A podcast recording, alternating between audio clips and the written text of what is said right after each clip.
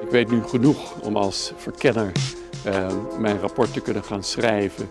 Het antwoord op de vragen van de Kamer over hoe een informatieronde er wellicht uit zou kunnen komen te zien. Er kan verder gegaan worden met een, met informatie met een aantal partijen. Dat is uiteindelijk natuurlijk aan de Kamer, maar in ieder geval, uh, ik weet nu genoeg om een advies te kunnen uitbrengen. U ziet mogelijkheden? Ja, ik ga, ik ga hard schrijven. Dit is Politiek Vandaag met Sam Hagens. Fijn dat je luistert. Plasterk die tikt dit weekend lekker door aan zijn verslag. De onrust binnen de VVD is die echt voorbij. En bij NSC maken ze zich nog grote zorgen om bepaalde standpunten van, van de PVV. We gaan het allemaal bespreken vandaag in Politiek Vandaag. Um, en eerst mijn gast even introduceren, Raymond Mens. Fijn dat je er bent, Raymond. Leuk man. Hoe gaat het met je? Een beetje brak. Omdat ik, uh, nou dat valt trouwens wel mee, maar ik ben vanmorgen om zeven uur in de auto gestapt. Ik was met de schoonfamilie in Disneyland, Parijs. Geweldig. en die gingen vandaag nog even Parijs zelf in. Toen dacht ik, nou daar ben ik uh, twee weken terug nog geweest. Dus ik ben doorgereden. En het is nu twaalf uur, dus ja. uh, wel drie keer geflitst, maar prima. Heel goed. Hey, wat ben jij eigenlijk? Amerika-kenner en van huis uit politicoloog. Ja, Amerika-kenner, dan ben je een onafhankelijke Amerika-kenner, duidelijk, wel, ja. onafhankelijk. Dat vind ik wel, ja. En je bent ook VVD-lid. Dat klopt, ja. En je hebt daar ook gewerkt. Ja. Dus ja. je bent oud campagnestratege. Dat klopt ook, ja. ja. En als je bij, de v bij VI zit, ja. roep je de VVD ook wel eens op om met de PVV samen te gaan regeren. Zeker. Maar dan ben je daar uitgenodigd als Amerika-deskundige. Onafhankelijk. Ja, maar jij weet ook, als je bij VI zit, dan word je gevraagd van uh, de nieuwe auto van Patty Bart tot en met wat er in de politiek speelt. En dan moet je ook je mening over geven. En maar is vind... dit allemaal nog wel te volgen voor de meeste mensen? Al die dubbele petten die je eigenlijk hebt? Ja, maar ik vind niet dat ik veel dubbele petten heb. Ja, dat vind ik, ik wel. vrij simpel in het leven. Bovendien, als ik het uh, over de uh, VVD heb, ook bij VI, dan weten de mensen ook dat ik bij de VVD in het campagneteam heb gezeten. Dat komt regelmatig, ook nu weer bij jou, ja. ter sprake. Dus ik vind het niet zo ingewikkeld. Jij gebruikt het podium alleen wel om jouw invloed binnen de VVD in te zetten ook. Dat, je speelt een rol binnen de VVD omdat jij daar zit. Terwijl dat podium, je bent daar uitgenodigd als Amerika-deskundige. Loopt het niet allemaal te veel door elkaar heen dan? Nee, vind ik niet. Want ik ben nogmaals van huis uit ook politicoloog. Dus dat ik ook iets van de Nederlandse politiek uh, vind en hoe dat allemaal loopt, vind ik niet zo gek. En als je dan zegt van nou, je hebt ook in het campagneteam gezeten. Hoe werkt nou zoiets? Uh, waarom doen ze nou A of doen ze nou B? Ja, ik vind het niet zo gek om daar wat over te zeggen. Nee. Jij, jij, jij, voelt hier helemaal geen ongemak bij? Dat die dingen misschien allemaal een beetje door elkaar lopen in zo'n uitzending? Nee, want ik zou pas ongemak voelen. Dat geldt voor ieder onderwerp, maar laten we de VVD als voorbeeld gebruiken. Als ik vind dat ik iets wel of niet kan zeggen of zo, dan voelt het ongemakkelijk. Ja, maar, ja. Dus als ik zeg maar, om het uh, heel persoonlijk te maken, als ik, als ik toen ik bij de VVD wegging, uh, het campagneteam had verlaten en de week daarna, dat was niet zomaar, zou ik bij VI zitten, dan zou ik me ongemakkelijk voelen. Want al die mensen die daar werken, die ken ik nog goed, daar heb ik een week geleden nog mee gewerkt. Uh, je weet allerlei dingen die actueel zijn en dan moet je daar uh, je mening geven. En dan denk je, oh, maar dan ga ik ook mensen voor het blok gooien. En dat zou ik dan moeilijk vinden. Want nu zijn we zoveel jaar verder dat ik denk, ja, ik zeg gewoon wat ik vind. En dat is ja. op zich niet moeilijk. Er, er, zit een flinke periode tussen. Dat ja, is waar. ja, ja. Duidelijk. We gaan het over het nieuws hebben. Want jij bent net teruggekomen uit Parijs. En ja, uh, ja daar is vanochtend ook nieuws over gekomen. Hanke Bruinslot zegt dat het reisadvies uh, verandert uh, naar geel. Dat doen ze vanwege de terreurdreiging ja. daar. Um, er is een aanslag geweest. Dat is, dat is al geweest. Dus er is nu dat, die verandering in, in terreurdreiging verandert niet vanwege dat er nog iets gaat gebeuren, maar vanwege het verleden. Zij zegt er het volgende over, over ja, wat je, hoe je daar nou rekening mee moet houden. Dat moment dat je ergens bent, uh, dat je wel gewoon uh, ja, goed om je heen kijkt en dergelijke. Maar het betekent niet dat mensen niet naar Parijs kunnen gaan. Hoe is het voor jouw vriend? Die, is daar nu nog. Nou, ik had hem net geappt. Ik zeg, vertel maar niks aan je moeder. Want die wordt al bij het hotel, zei die man van... pas op, er zijn hier zakkenrollers en toen wilde ze al niet meer naar buiten. dus ik zeg, zeg maar niks tegen je moeder. Kun je vanavond mooi zeggen... hé, hey, ik heb trouwens gezien dat het, hè, als je weer thuis bent... dat dat uh, terreurniveau omhoog ging. Maar ik snap het ook wel, want zij gaan net als duizenden andere mensen... naar zo'n kerstmarkt. Ja. En als je weet dat er inderdaad een dreiging is... en er zijn allemaal toeristen en er is zo'n kerstmarkt... dan is dat natuurlijk koren op de molen van mensen... die daar misschien wat willen doen. Dus ik snap wel dat het niveau omhoog gaat. Ja. Maar mijn schoonmoeder weet van niks. En het is misschien denk ik voor... ja, als je, als je die kant op gaat. Dit komt misschien een beetje gek over. Ja, we, gaan naar geel en je moet een beetje om je heen kijken. Maar het is ook weer niet zo gevaarlijk dat je die kant, niet die kant op kan. Nee, het blijft ook lastig. Hè? En als jij uh, heel lang gespaard hebt om uh, met je gezin een weekend naar Parijs te gaan, ja, doe je het dan nu niet. Nee, ja, dan ga je, je toch? gaat Volgens mij, dat geld krijg je ook niet terug. Hey, we gaan het hebben over de VVD. Want ja. ik laten we dan bij deze afspreken dat jij hier zit als oud campagnestratege ja, prima. van de VVD. Ja. de volgende keer zit je hier als Amerika-deskundige. Dan zeggen we dat er ook bij. Ja, maar ik neem aan dat jij je vooral op de Nederlandse politiek richt. Ja, zeker weten. Uh, er was maar natuurlijk... wat wel zo is, trouwens, om daar nog aan toe te voegen. Ehm, uh, ik vind dat ik dus kan zeggen dat ik onafhankelijk Amerika-kenner ben, omdat ik oprecht geen voorkeur heb. Dus of het nu Trump of Biden wordt, ik slaap er geen nacht minder om. En bij de afgelopen verkiezingen had ik dat voor het eerst met de Nederlandse politiek ook. Ik heb natuurlijk jarenlang uh, een beetje voor de VVD uh, uh, nou ja, gewoon gewerkt. En dan hoop ik dat de VVD het goed doet. En nu dacht ik van nou, ik vind het eigenlijk gewoon leuk. We weten niet wie de wint. En dat vind ik gewoon vanuit, omdat ik politicoloog ben, ook gewoon leuk. Snap dus ik. ik had ook geen voorkeur. En dan denk ik, nou, dan zit ik er redelijk objectief in. Wij kwamen elkaar tegen bij die ledenbijeenkomst in Utrecht, was dat vorige week? Wat vond je ervan? Um, ik vond het uh, nou ja, wel mooi om te zien dat ze in discussie gingen met leden. Ja. En, en, dat er, er was ook wel echt ruimte voor kritiek. Maar uiteindelijk was er ook wel een boel in scène gezet of ge geanceneerd van ja. Ja, Qua sprekers, Annemarie Jorritsma, die nog zei van... Uh, ja. de kabinetsval komt echt niet door... Ja, die reageerde op mij. Ik had, ik, ik, ik, nou, ik had gezegd, uh, als je het kabinet laat vallen op migratie als VVD zijnde. Ik was er overigens voor, dus prima om dat te doen voor, ja. vanuit mij. Vervolgens maak je daar een hoofdthema van in de campagne. Althans, dat probeer je. En dus zet je ook logischerwijs de deur open naar Geert Wilders. Ja, dan ben je nu aan de kiezer verplicht om ook serieus dat gesprek te voeren. En toen stond mevrouw Joritsma op en die zei...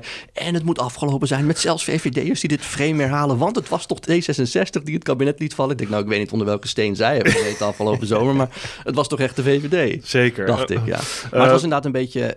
Maar dat snap ik als ik daar zou werken, zou ik het ook zo doen. Uh, de eerste vraag ging bijvoorbeeld, de moderator zei van... oh, ik sta toevallig naast, uh, hoe heet ze ook weer, uit Amsterdam, die dame. Claire Martens? Nee, die andere uh, is fractievoorzitter ook geweest. Even de naam kwijt, Marjolein... Nou, doet er niet toe. Waar ik het over wilde hebben is, uh, die discussie is eigenlijk al sinds het moment van uh, stellinginname van we gaan gedogen, we gaan niet in het kabinet als VVD zijnde. Die discussie loopt gewoon binnen de partij. Ja. Nog steeds de afgelopen dagen ook. Wat merk je Zeker. daarvan? Um, nou, dat mensen er heel geharnast in zitten. Dus um, nou, twee dingen merk je. A, dus dat mensen er heel geharnast in zitten. Dus ik hoor mensen bijvoorbeeld in mijn omgeving die zeggen van... als wij één stap richting die PVV zetten, ik vind prima, maar ik doe niet meer mee. Dus ik zeg gewoon mijn lidmaatschap op. En daar wringt de schoen natuurlijk. Iedere opiniepeiler kan zeggen terecht dat 80% ongeveer van de VVD-kiezers wil... dat ze met Geert Wilders gaan uh, regeren. Maar uh, ik denk als je naar de leden van de VVD kijkt... laten we zeggen dat het ook 20% is. Maar dat zijn dan wel leden die echt zeggen van... ja, dan maar zonder mij, dan stap ik uit die club. En vandaar natuurlijk dat die discussie zo moeilijk ligt. En het tweede wat je merkt is dat nu pas de discussie gevoerd wordt, gevoerd wordt die ze eigenlijk natuurlijk afgelopen zomer al hadden moeten voeren voordat de deur naar de PVV werd opengezet. Namelijk, ja. willen wij wel samenwerken met een partij die ondemocratisch is, want ze hebben maar één lid? Willen we wel samenwerken met een partij die lelijke dingen heeft gezegd over mensen met een islamitische achtergrond bijvoorbeeld? Nou, je kunt het hele rijtje afgaan. Die discussie vindt nu plaats.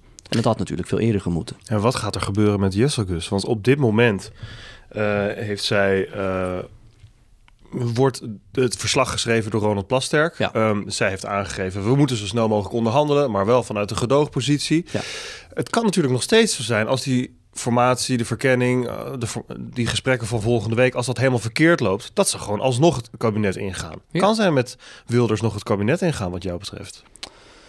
Ik denk dat dat voor haar heel moeilijk zal zijn. Om, want dat betekent dus dan moet, zij, dan moet zij stoppen of zij moet in de, in, in de Tweede Kamer gaan zitten. Ja, ze moet sowieso in de Tweede Kamer gaan zitten. Dat denk ik dat het sowieso goed is. Maar uh, ik heb al veel eerder een opiniestuk geschreven dat ik eigenlijk vind dat alle fractievoorzitters in de Kamer moeten blijven zitten. Ja, maar moet Jesselgus dan kan Jesselgus met Wilders in een kabinet gaan zitten wat jou betreft? Ze zou dan in de Kamer moeten blijven zitten, maar ik denk dat dat ook uiteindelijk niet kan. Dus dan, ik vraag me af of zij dan partijleider van de VVD kan blijven. Want de dag voor de verkiezingen zei ze nog, dat doe ik niet. Ja. En om dat dan wel te doen, dat wordt dan lastig. En, en hoewel ik dus vind dat ze het aan de kiezer verplicht zijn om dat gesprek aan te gaan om volwaardig in een kabinet te zitten, snap ik wel de strategie omdat ik denk dat de afweging bij de VVD is. Uh, Geert Wilders in één keer twintig man erbij. Uh, Pieter Omtzigt vanuit het niets met twintig man in de Kamer. De BBB, allemaal nieuwe mensen. Mhm. Ik denk dat zij denken van nou dat kan er wel eens heel snel een enorme chaos worden. En dan staan wij met die gedoogconstructie toch een beetje op achterstand. En als je dan nog in ogenschouw neemt dat het bij de achterban van de VVD ook gevoelig ligt. Dan snap ik die positie wel. Ik ben het er niet mee eens, maar ik snap het wel. Nog even inzoomen op hoe het nu bij NSC gaat dan rond die formatie. Gisteren kwamen er berichten. Ze gaan nog in gesprek met de PVV en de andere partijen volgende week. Dat ja. gaat eigenlijk best wel goed. NRC schreef over een doorbraak. Ik heb gisteravond ook een aantal mensen gesproken binnen die partij. Ik krijg eigenlijk een ander beeld. Volgens mij is er geen sprake van een doorbraak en zijn die restatelijke problemen rond de PVV, die staan gewoon nog helemaal recht overeind. Eigenlijk is het enige goede nieuws, ze gaan nog met elkaar in gesprek. Maar ze zijn nog niet klaar om echt te gaan onderhandelen. Maar wat hoor jij uit de NSC-burelen dan? Ja, dat. Dat ze nog echt flinke problemen hebben met de PVV. Maar ze is de hele club? Of zijn dat een aantal Kamerleden? De partij. De partij. De partij. Ik kan niet zeggen wie precies, maar... Jij hoort van mensen dat zij zeggen van wij willen sowieso niet met de PVV. Of mensen die betrokken zijn bij die onderhandelingen, uh, hoe dat daar nu op, op dit moment gaat, het schiet niet op. Maar ze zijn nog wel met elkaar in gesprek. Ja. Dus uh, of dat, je kan het natuurlijk wel als goed nieuws verkopen dat, dat, dat ze überhaupt niet weg van die tafel lopen. Maar het schiet in ieder geval, in ieder geval niet op ik moet wel zeggen, als jij zegt het schiet in ieder geval uh, niet op. Uh, we moeten ook niet te veel haast maken. Hè? Dus ik snap dat het allemaal. Uh, Ronald is net bezig een weekje. Ja, eigenlijk wel. Ja. Laten we eerlijk zijn. En de verkiezingen zijn net, wat is het, twee weken geleden ongeveer. Dus laten we ook een beetje rustig aan doen. Heb ik, jij een heel terecht punt. Ja, ik vind ook niet dat het een jaar moet duren. Laten we in godsnaam in maart een kabinet hebben. Dat is al ontzettend snel trouwens. Ja. maar als het mei wordt, is dat ook geen ramp. Ik bedoel, tuurlijk heb ik ook liefst vandaag of morgen een kabinet. Maar ik vind niet dat het nu langzaam gaat. Ik vind eigenlijk dat het best vlot gaat. En al die nou ja, je hebt ook gezien, de VVD die, is, die, die heeft het ene keer gezegd... we gaan de deur openzetten, dan weer we gaan niet onder premier Wilders. Dan wordt hij de grootste. Dan hebben ze al die problemen in de achterban. Dat gaat tijd kosten. Pieter Omzicht heeft, om de reden die jij net zegt... met een hele nieuwe fractie, met allemaal mensen die er ook wat van vinden... een ontzettend lange aanloop nodig om überhaupt misschien een keer het gesprek aan te gaan. Dus ik vind niet dat het nu per se heel lang duurt. Al deze stuiptrekkingen... Hoort er helemaal bij. Ja, zijn ook wel logisch, moet ik zeggen. Ja. ja. Maar over de NSC gesproken... Um, Omzicht heeft de hele campagne gezegd: ik kan niet met iemand gaan onderhandelen uh, die ja. uh, ongrondwettelijke dingen in zijn programma heeft. En dan met name onrechtstatelijke dingen. Hè? Want Pieter Omzicht wil zelf ook de grondwet veranderen. Maar het gaat over wat hij heeft gezegd over 2,5 miljoen Nederlanders. Daar past dit proces eigenlijk helemaal bij. Ja, tuurlijk. Ja. ja. Dus als Geert Wilders op. En dat, dat zal misschien het probleem zijn achter de schermen. Ik weet niet wat jij daarover hoort. Uh, hij moet met een nieuw programma komen. Dus hij moet niet zeggen: ik zet het in de vriezer of de ijskast. En dan weet je niet wat dat betekent. Of hij volledig moet afstand doen van op een of andere manier door misschien een fractievoorzittersmanifest te ondertekenen, zoals ja, Caroline van der Plas heeft voorgesteld. Ja. Nee, maar hij moet iets op papier laten zien. Daar, daar gaat het om. En als hij dat kan laten zien, ik denk dat hij dat dus misschien niet wil om een of andere reden, want anders had hij dat nu aangeboden. Ik neem ook aan dat dat in het verslag komt te staan dat daar dat uh, daar over gesproken gaat worden. Ja of dat er inderdaad een probleem ligt. Maar als hij daarmee komt en hij doet wat Caroline van der Plas voorstelt, en als de NSC dan nog dwars zou liggen, dan hebben zij natuurlijk hetzelfde probleem als de VVD. Want dan mhm. kom je terug op een verkiezingsbelofte. Klopt. Maar nu zegt de NSC niks anders als voor de verkiezingen. Klopt. Maandag uh, het verslag uh, van Ronald Plasterk, de verkenner. We gaan het ook nog even hebben over Ter Apel. Daar is natuurlijk de afgelopen dagen heel veel om te doen geweest. Erik van den Burg doet natuurlijk ook weer oproepen van we moeten zoveel mogelijk mensen uh, opvangen, ook bij andere gemeenten. Erik van den Burg, natuurlijk een, een uh, man uit jouw club, de VVD. Mm uh, vanochtend stond uh, onze eigen Merel Eck op het uh, Binnenhof. Oh, heel goed. Die was alweer een beetje aan het klagen, zoals we de kennen. Dat hoort ook. Het was namelijk ontzettend koud. En um, het ging wel over een serieus onderwerp. Toch viel Erik van den Burg het wel even op hoe Merel erbij stond. We kunnen gewoon geen mensen in de kou laten staan. Ik, ik, zie hier een collega van, uh, van u al, al, al bibberend uh, kort staan. Laat staan als je daar moet slapen. Dus we moeten gewoon zorgen voor uh, voldoende opvangplekken maar, in Nederland. Meneer Van den Burg, dit is elke keer het antwoord. Meer plekken zijn er nodig. En elke keer lukt het dus niet. Dus het is niet gewoon het antwoord, eigenlijk kunt u niet zoveel. Nou, het lukt uiteindelijk dus steeds wel. Ja, met allemaal noodmaatregelen. Ja, met allemaal noodmaatregelen lukt het. Maar inderdaad, we zijn voor een deel gebonden, met handen gebonden, omdat we gewoon zien dat de instroom nog steeds door blijft uh, gaan. Europees de afspraken er nog niet zijn met het Europees Parlement. Die kunnen leiden tot instroombeperking. En nu ook kabinetsonderhandelingen zijn. Dus ja, ik ben aan allerlei kanten beperkt. Maar dat doet niks af van mijn taak. Moeilijke positie voor hem? Ja, dat denk ik wel. Kijk, hij probeert, dat zegt hij ook, met allerlei noodmaatregelen het een en ander op te lossen. Maar zolang je deze mensen niet gaat spreiden, of dat nou met dwang is of niet, dan hou je dit probleem uh, natuurlijk. En hij kan nu momenteel ook niet zoveel, want er gaat nu niks groots meer gebeuren totdat er een nieuw kabinet komt natuurlijk. Ja. Zie jij Erik van den Burg in een nieuw kabinet met de PVV gaan zitten? Nee. Dat gaat hij nooit doen? Nee, ik, ik zou zelfs schokken dat hij, uh, maar dat weet ik niet zeker, dat hij uh, onder de leden behoort die zegt: uh, als jullie met de PVV gaan samenwerken, dan geef mijn portie maar een fikkie. Dat denk ik. Ik denk dat hij dat niet gaat meemaken. En zo zijn er meerdere VVD'ers. En nogmaals, daarom snap ik die. Gedoogconstructie wel, ook al ben ik het er niet mee eens. ik snap het wel. Het is een moeilijke positie, maar ik heb geen medelijden. Een moeilijke positie die ze zelf gecreëerd hebben door de campagne te voeren zoals ze dat gedaan hebben en vervolgens een draai te maken. Hey, jij zit nu uh, bij Talpa voor SBS6 werk je. Je Ja, zit jij ook, bij toch? Vandaag in Site. We zijn collega's Ja, geworden. dat kun je ook zeggen. Heb jij het gevoel dat eh, Geert Wilders door SBS6 in het zadel is geholpen? Totaal niet. Nee? Nee. Eh, om twee redenen niet. Ik vind wel, ik zat erbij toen hij bij VI zat, die uitzending. Eh, ik heb daar volgens mij ook niet hele negatieve dingen over hem gezegd. Ik heb hem met Trump vergeleken op een positieve manier. Hij Dus zat hou- wel heel goed op zijn gemak, hè? Jij hebt hem ook niet aangepakt. Ik heb hem daar. ook niet aangepakt. Nee, nee, nee. nee omdat ik ook wel ehm, eh, eh, hem voor een heel groot deel daar in die uitzending kon volgen. Dus als er niks is om hem op aan te pakken, dan... ik vind ook dat hij moet meeregeren. Dus ik heb dat niet gedaan toen. Johan zei dat nog na afloop van... ja, ik heb hem af en toe maar even aangepakt, Geert. Wat niemand deed, daar had Johan ook gelijk in. Maar ik vind dus niet dat hem in het zadel hebben geholpen. Kijk, hij had zowel bij het debat bij SBS als bij VI een heerlijke avond. Mhm. Alleen, al die andere lijsttrekkers hebben daar ook gezeten. Die hebben die kans ook gehad. die hebben die kans ook gehad. En als je zag hoe Timmermans bijvoorbeeld bij VI zat, ja, sorry, die heeft alle kansen en mogelijkheden gehad. Die heeft het niet gepakt. En ik vind zelf persoonlijk eh, de optelsom van die media-optredens van Geert Wilders belangrijker dan per se VI of het debat. Dus ik herinner me bijvoorbeeld dat Geert Wilders bij Nieuwsuur zat en letterlijk tegen eh Marielle Tweebeke zei: Ja, inderdaad, eh, die, ijs, die sta- standpunten van mij die gaan in de ijskast. Ja. En dat zijn allemaal stuk voor stuk optredens die gewoon heel sterk waren, waarin hij ook nog eens volledig voldeed aan wat de VVD aan hem vroeg. En dat heeft denk ik bijgedragen aan die overwinning. Maar niet één debat of één uitzending van VI. Ik vraag ernaar omdat gisteravond bij Op1 Fidan Ekis ook eh, hierover begon. Die Want begrijp ik helemaal niet. zij krijgen ook blijkbaar eh, de schuld hiervan. Dat Ja. Op1 eh Wilders groot heeft gemaakt. Ik heb hem daar niet zien zitten. Nee, nee, er heeft geen één PVV. Ze hebben hem wel gevraagd volgens mij. Ja. Maar hij wil niet. Even luisteren naar wat zij gisteren ook vertelde. Want op één moet natuurlijk verdwijnen. Galit en Sophie gaat op dat tijdslot zitten. Nou, daar is die redactie heel erg van. Over de rooien, over hoe dat is gegaan, zijn niet ingelicht. Maar Fidan die kwam ook met, oh, ja, eh, dat er eigenlijk politieke beweegredenen zijn vanuit de NPO om dit eh, te doen. Ja, ik vind het eh, onprofessioneel. Ik vind het eh, onzorgvuldig. En ik vind het eigenlijk ook heel zorgelijk. Ehm, omdat we ook begrijpen dat er deels een ehm, politiek besluit aan ehm, vooraf is gegaan. En ik heb daar vragen over. We horen dingen als eh, dat op één Wilders groot gemaakt zou hebben. Dat de NPO een links-progressief blok moet vormen. Ik vind ik heb daar vragen over. Ik wil weten of dat klopt. En ik vind dat de publieke omroep er moet zijn voor het publiek. En dat de publieke omroep niet gedragen mag worden door politieke belangen. Ze noemde een politiek besluit. Ik Ja. dacht nog even, hè, insinueert ze nou dat dat vanuit Den Haag is besloten? Zo klopt dat er, het wel, maar dat bedoelt ze dat niet. bedoelt denk ze ik. niet. Nee. Ze bedoelt een politieke afweging vanuit de NPO, Ja. vanuit de directie. Van ja, wij moeten een linksblok hebben, of in ieder geval iets van tegengas vanuit, eh, door middel van Galit en Sophie. Ja, Hoe kijk jij hiernaar?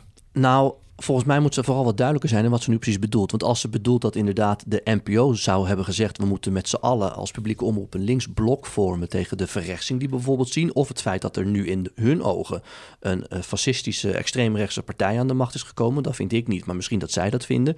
Dan vind ik dat zorgelijk, want daar is de publieke omroep niet voor. Maar als zij bijvoorbeeld bedoelt dat ze vanuit BNN-VARA gelobbyd hebben... om die plek, omdat ze een roder geluid willen laten horen... ja, daar is BNN-VARA voor opgericht. Dan vind ik niet zo gek Je moet meerdere geluiden op ja, en de publieke omroep. die aast al jaren op die plek sinds... eh, want we hebben natuurlijk altijd gehad, eh, eh, onder andere door Pauw en Witteman... maar ook De Wereld Draait Door. We hebben op een gegeven moment zelfs gehad met De Wereld Draait Door en Pauw Witteman... dat we twee talkshows op één avond hadden die links gekleurd waren.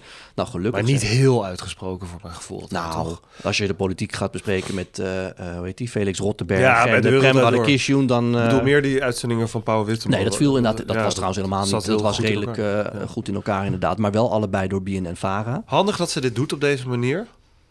Of komt het uit frustratie? Kun jij je daar ook in verplaatsen? Nou, dat dat, dat ze gefrustreerd is over het besluit. Dat snap ik wel, want als je in de krant leest dat je programma er ineens mee stopt, Ja. dat snap ik wel. Maar eh, nogmaals, als zij eh, geruchten heeft gehoord dat de hele NPO zou zeggen we moeten een blok vormen tegen Wilders bijvoorbeeld, Ja. dan zou ik ook wel een antwoord daarop willen. Maar het is niet gek dat, net zoals WNL zegt, we willen een wat vrolijk rechtser geluid laten horen, dus moeten wij die talkshow hebben. En sinds op één die talkshow heeft onder leiding van WNL, uh, aast BNN-Vara alweer op dat plekje. Nou, dat ze nu zeggen we moeten een rood geluid laten horen, dat is vanuit die omroep niet zo gek. Het is overigens wel een interessant uh, iets om uit te zoeken. Dus ja, daar ga ik, ook mee, ga, ga, ik ook echt. Heb je al gebeld? Een ik, beetje? ik heb al gebeld. En ik, heb beetje, ik hoop dat ik hier volgende week iets meer over kan vertellen. Over uh, de vragen die zij daar stelt. Of daar een kern van waarheid in zit. Maar de, het is de- zo vaag. Het is heel vaag. Dus Ja. we komen hier volgende week op terug. Spannend. Maandag komt het verslag van Ronald Plaster. Kijken Ja. we natuurlijk enorm naar uit. En dan dinsdag is er weer een nieuwe aflevering eh, van Politiek Vandaag. Heel fijn dat je er was, Raymond. Dankjewel. man. Je vond het ook leuk om hier naartoe te komen? Jazeker. Nou, je lag op de route van Parijs naar Ja, Haarlem, dus ik precies. heb even gestopt. Hartstikke bedankt voor je komst. Eh, komende dinsdag is er dus weer een aflevering van Politiek Vandaag. Eh, abonneer je op deze podcast. Dat helpt ons om in die hitlijstjes naar boven En te komen. vijf sterren geven natuurlijk. Precies. Dankjewel Raymond en tot volgende week. Alsjeblieft.